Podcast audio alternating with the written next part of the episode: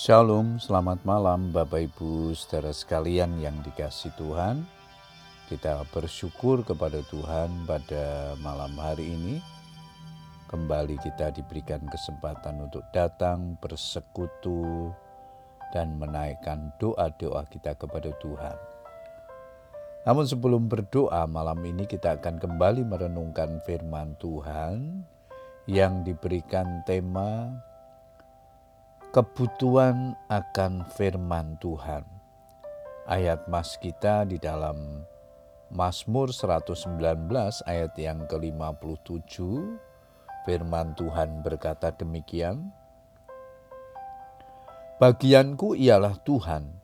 Aku telah berjanji untuk berpegang kepada firman-firman-Mu banyak orang Kristen yang kurang menyadari pentingnya Alkitab dalam kehidupan mereka. Itu terlihat dari bagaimana cara mereka memperlakukan Alkitab dengan tidak semestinya. Mereka memegang Alkitab dan membacanya hanya saat beribadah di gereja atau di persekutuan saja di hari-hari yang lain, Alkitab tetap berada di tempatnya, tersimpan dengan rapi, bahkan tidak tersentuh sama sekali. Mengapa demikian?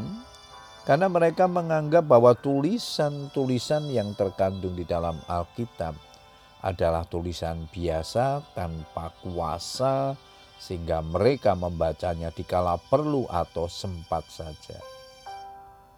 Alkitab atau Injil bukanlah buku yang berceritakan fiksi, dongeng, atau bisa kita samakan dengan buku-buku ilmiah karangan manusia pada umumnya.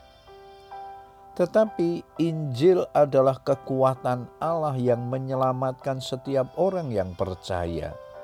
Pertama-tama kepada orang Yahudi, tetapi juga orang Yunani Sebab di dalamnya nyata kebenaran Allah yang bertolak dari iman dan memimpin kepada iman, seperti ada tertulis orang benar akan hidup oleh iman.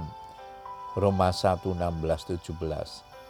Alkitab atau Injil adalah firman yang disampaikan oleh Allah atau perkataan Allah sendiri yang mengandung kuasa yang sangat dahsyat yang hidup dan kuat dan lebih tajam daripada pedang bermata dua mana pun, yang menusuk amat dalam sampai memisahkan jiwa dan roh, sendi-sendi dan sumsum. Ia sanggup membedakan pertimbangan dan pikiran hati kita. Ibrani 4 ayat 12. Mari belajar dari Daud yang sangat menghormati, menghargai dan mencintai firman Tuhan ia berkata, firmanmu tidak akan kulupakan. Mazmur 119 ayat 16.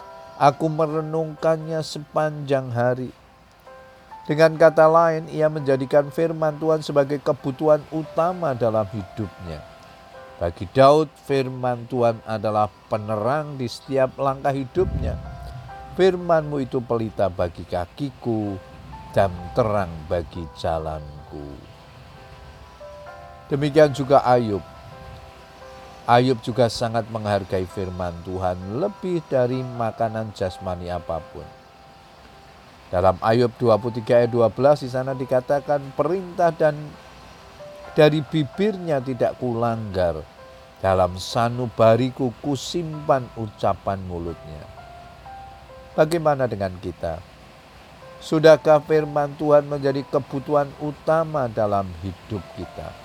Ingatlah bahwa manusia hidup bukan dari roti saja, tetapi dari setiap firman yang keluar dari mulut Allah.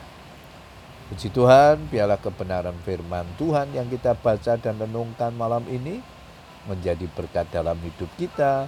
Mari kita jadikan firman Tuhan sebagai kebutuhan utama di dalam hidup kita. Sebab dengan firman Tuhan kita akan diterangi setiap perjalanan hidup kita. Selamat berdoa dengan keluarga kita, tetap semangat berdoa. Tuhan Yesus memberkati. Amin.